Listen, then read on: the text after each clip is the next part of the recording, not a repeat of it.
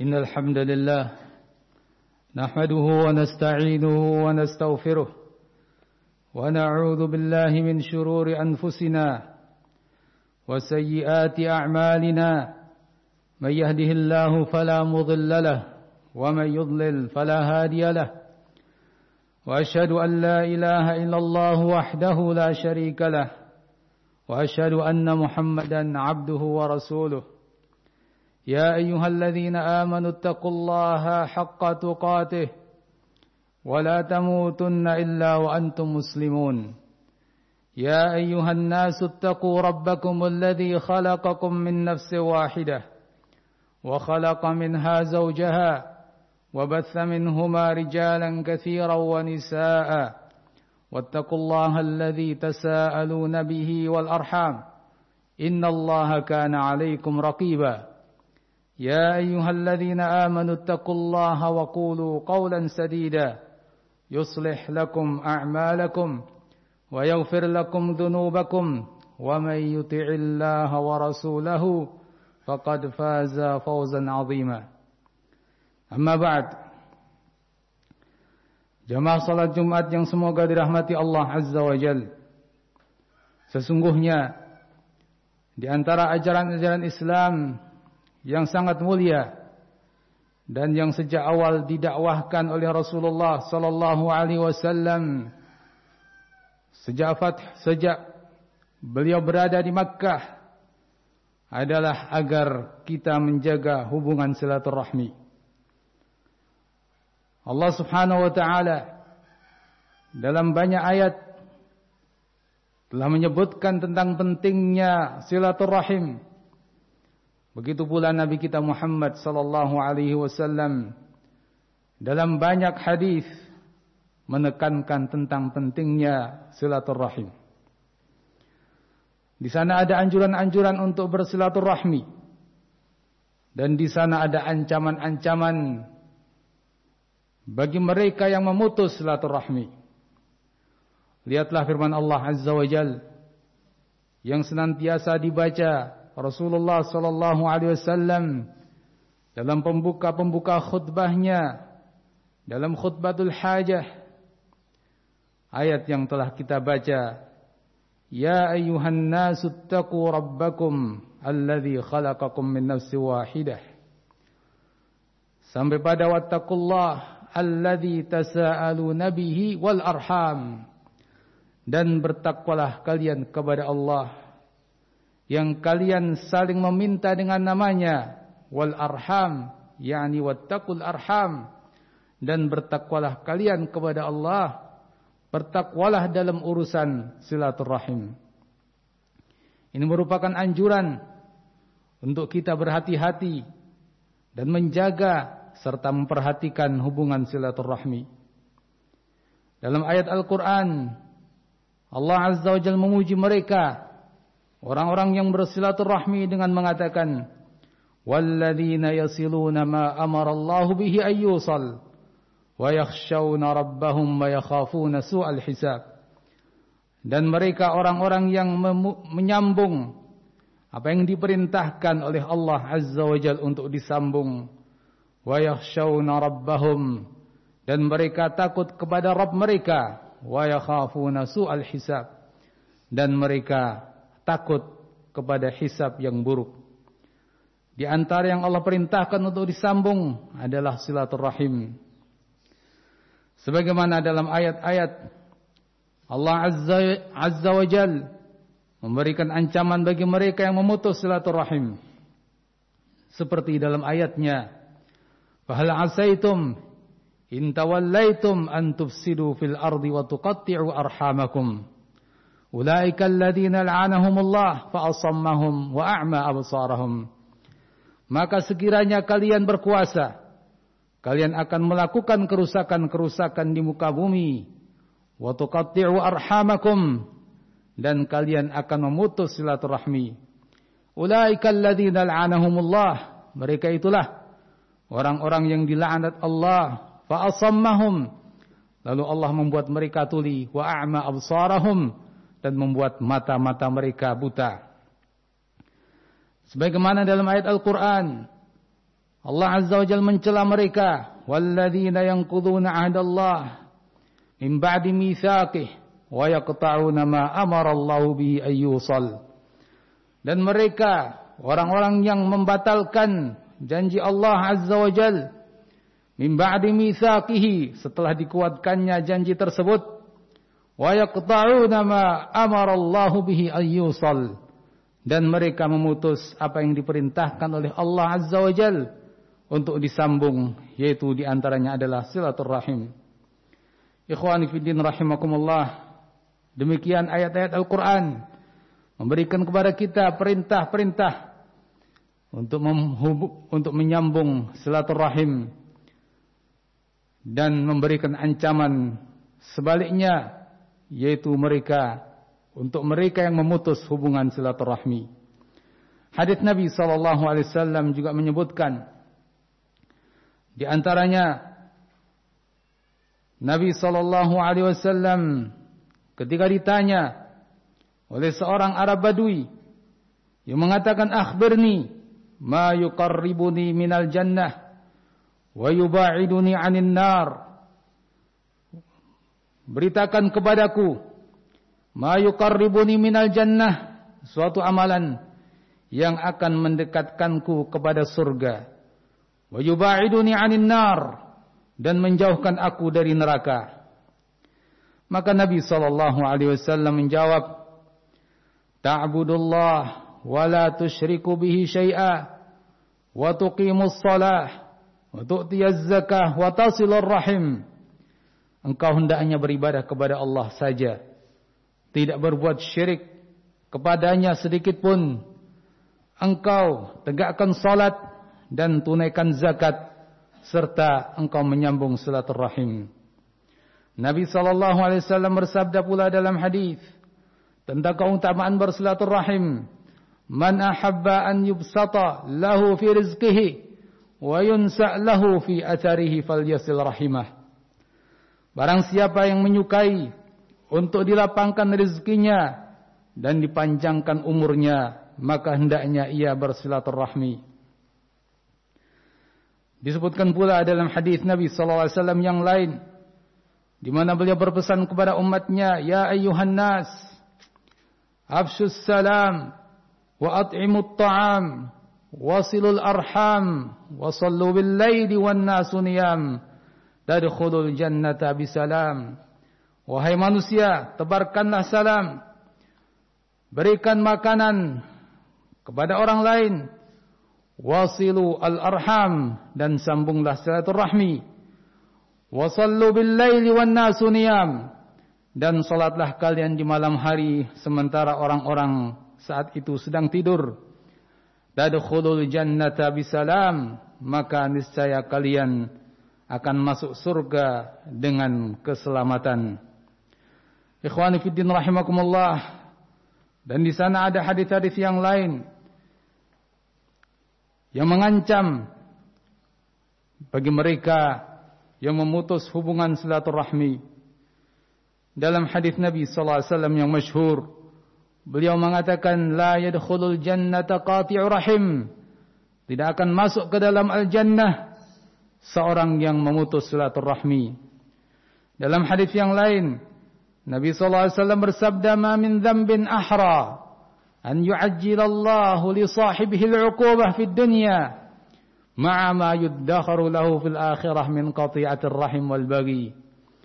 Tidaklah ada suatu dosa yang lebih pantas untuk Allah segerakan hukuman bagi pelakunya di dunia bersama apa yang ia tabung kelak di akhirat min qati'atir rahim daripada dosa silaturahim dan dosa al-baghyu. Ikhwani fiddin rahimakumullah. Hadis-hadis Nabi sallallahu alaihi wasallam tersebut cukup menjadi ancaman yang berat bagi kita semuanya dari perbuatan tersebut maka hendaknya kita sebagai kaum muslimin betul-betul memperhatikan hal ini betul-betul memperhatikan apa yang mesti kita lakukan dalam menyambung silaturahmi. Berhati-hati dalam berbuat Jangan sampai kita masuk di dalam golongan orang-orang yang diancam untuk tidak masuk ke dalam al-jannah disebabkan karena memutus hubungan silaturahmi. بارك الله لي ولكم في القرآن والسنة ونفعني وإياكم لما فيه من الآية والحكمة. أقول ما تسمعون وأستغفر الله لي ولكم ولسائر المسلمين من كل ذنب. إنه هو الغفور الرحيم. الحمد لله حمدا كثيرا طيبا مباركا فيه. كما يحب ربنا ويرضاه. والصلاة والسلام على خير البرية أزكى البشرية. محمد بن عبد الله وعلى آله وأصحابه ومن تبع هداه إلى يوم القيامة. أما بعد جماعة جمعة yang semoga senantiasa dirahmati Allah Azza wa Jal. Sebagaimana telah kita ketahui bagaimana pentingnya silaturahmi. Maka apa yang dimaksud dengan silaturahmi? Bagaimana mewujudkan silaturahim dalam kehidupan kita? Dalam hal ini diterangkan oleh Al-Imam Ibnu Katsir rahimahullah. Beliau mengatakan wasilatul arham wa huwa al-ihsanu ila al-aqarib fil maqali wal af'ali wa badlil amwal. Silaturahmi atau silaturahim. Huwa al-ihsan ila al-aqarib adalah berbuat baik kepada karib kerabat. Fil maqali wal af'al. Baik dengan tutur kata. Wal af'al atau dengan perbuatan wa badlil amwal dan juga dengan badlu al amwal memberikan harta benda atau menyumbangkan harta benda inilah yang dimaksud dengan silaturahim dan itulah cara kita mewujudkan silaturahim. Dari keterangan Ibnu Katsir rahimahullah, kalau begitu silaturahim ini bisa dilakukan dengan perbuatan-perbuatan bisa pula dilakukan dengan ucapan-ucapan dan bisa dilakukan dengan kita menyumbangkan harta benda kita kepada karib kerabat kita. Semakin banyak yang kita lakukan semakin bagus dengan niat niat baik mewujudkan hukum yang telah Allah tetapkan untuk kita semuanya. Ikhwani fiddin rahimakumullah. Siapakah yang kita prioritaskan dalam bersilaturahmi? Tidak lain silaturahmi itu adalah kaitannya dengan karib kerabat, kaitannya dengan sanak famili yang punya hubungan kekeluargaan dengan kita dari rahim yang sama, entah rahim ibu kita, rahim nenek kita dan seterusnya. Karena itulah dikatakan dalam hadis Nabi sallallahu alaihi wasallam dalam riwayat Al-Bukhari dalam kitabnya Al-Adabul Mufrad Nabi sallallahu alaihi wasallam mengatakan innallaha yusikum bi ummahatikum thumma yusikum bi ummahatikum thumma yusikum bi abaikum thumma yusikum bil Sesungguhnya Allah Subhanahu wa taala mewasiatkan kepada kalian untuk berbuat baik kepada ibu-ibu kalian kemudian Allah Azza wa Jal juga mewasiatkan kembali untuk kalian berbuat baik kepada ibu-ibu kalian. Kemudian Allah mewasiatkan kepada kalian untuk berbuat baik kepada ayah-ayah kalian. Kemudian Allah Azza wa Jal mewasiatkan kepada kalian untuk berbuat baik kepada kerabat yang lebih dekat dan yang lebih dekat. Ikhwani fiddin rahimakumullah. Kalau begitu, kita harus mengetahui siapakah kerabat kita. Siapakah sanak famili kita yang punya hubungan rahim agar kita bisa menyambung silaturahmi. Dan itulah yang diwasiatkan oleh para sahabat radhiyallahu anhum ajma'in. Dikatakan oleh sahabat Umar bin Al-Khattab radhiyallahu an, "Ta'allamu ansabakum, thumma silu arhamakum." Pelajarilah nasab kalian lalu sambunglah silaturahmi. Abdullah bin Abbas radhiyallahu anhu mengatakan, "Ihfazu ansabakum tasilu arhamakum." Jagalah nasab-nasab kalian, kalian akan bisa bersilaturahmi kepada kerabat kalian. Ikhwani fi din rahimakumullah. Dahulu Nabi wasallam saat awal-awal dakwah Islam dan mengajak mereka kerabat beliau untuk berislam, beliau mengingatkan dari kerabat besarnya, ya Bani Hashim, Bani Abdi Manaf, wahai Bani Abdi Manaf. Kemudian beliau panggil keluarga yang lebih kecil, ya Bani Hashim, wahai keluarga Bani Hashim. Kemudian beliau panggil berikutnya keluarga yang lebih kecil lagi. Ya Bani Abdul Muttalib, wahai keluarga Abdul Muttalib. Dan sampai pada yang terdekat kepada beliau.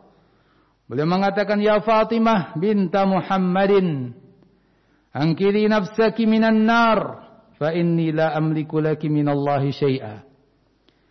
Wahai Fatimah, putri Muhammad, Selamatkanlah dirimu dari api neraka.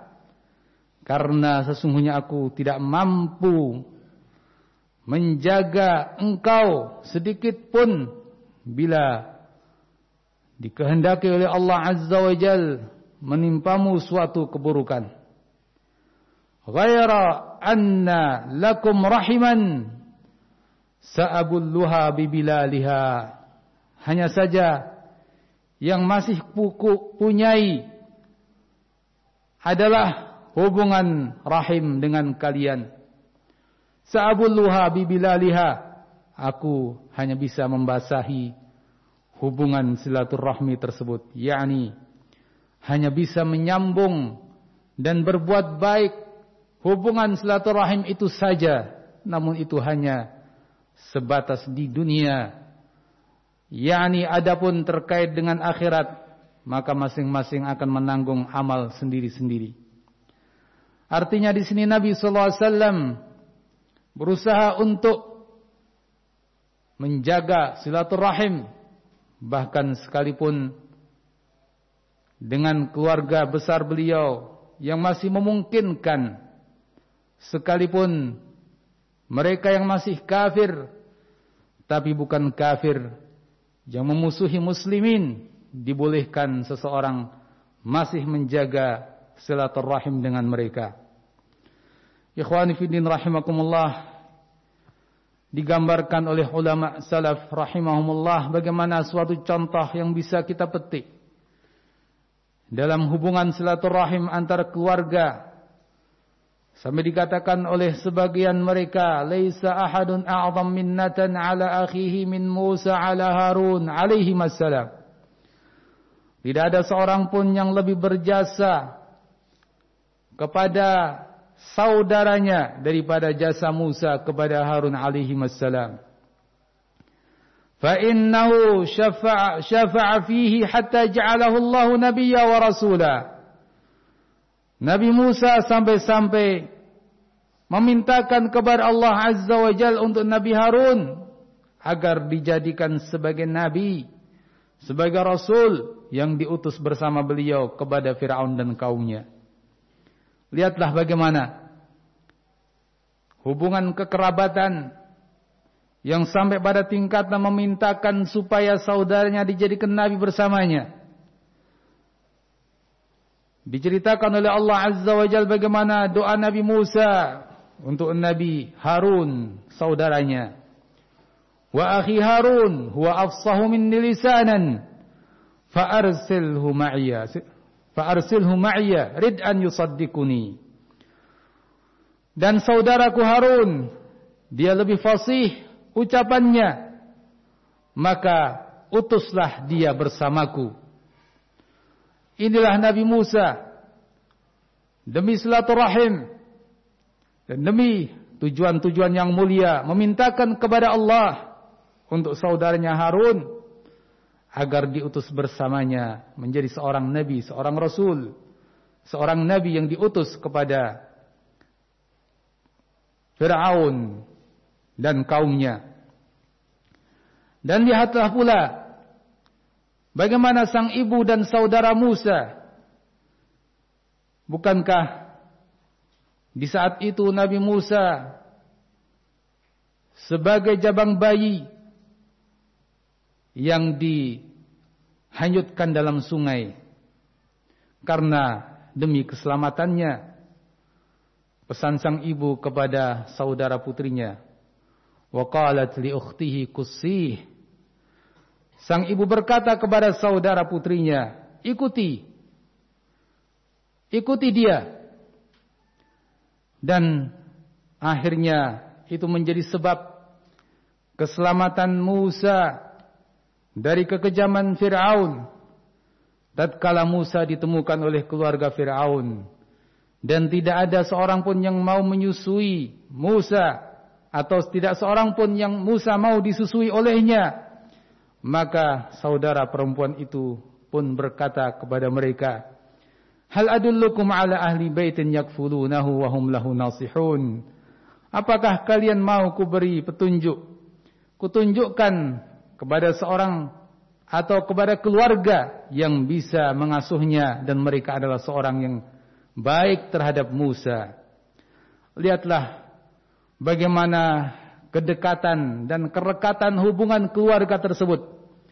Bagaimana sang ibu, bagaimana saudara putri dan bagaimana persaudaraan mereka semuanya menjadi salah satu gambaran bagaimana hubungan silaturahmi yang baik antar mereka. Karena itu ahibati fillah rahimakumullah Ini semua menjadi pelajaran bagi kita semuanya. Dan bahkan sekalipun sebagian keluarga kita memutus hubungan silaturahmi, kita tetap diperintahkan untuk menyambung. Dan itulah sambungan silaturahmi yang hakiki.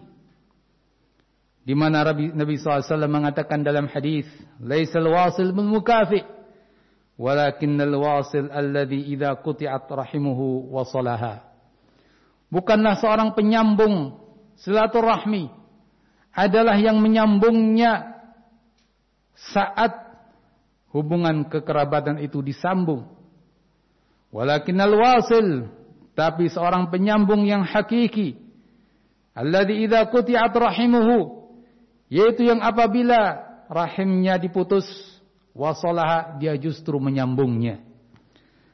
Hadis riwayat Al-Bukhari dalam Al-Adabul Mufrad.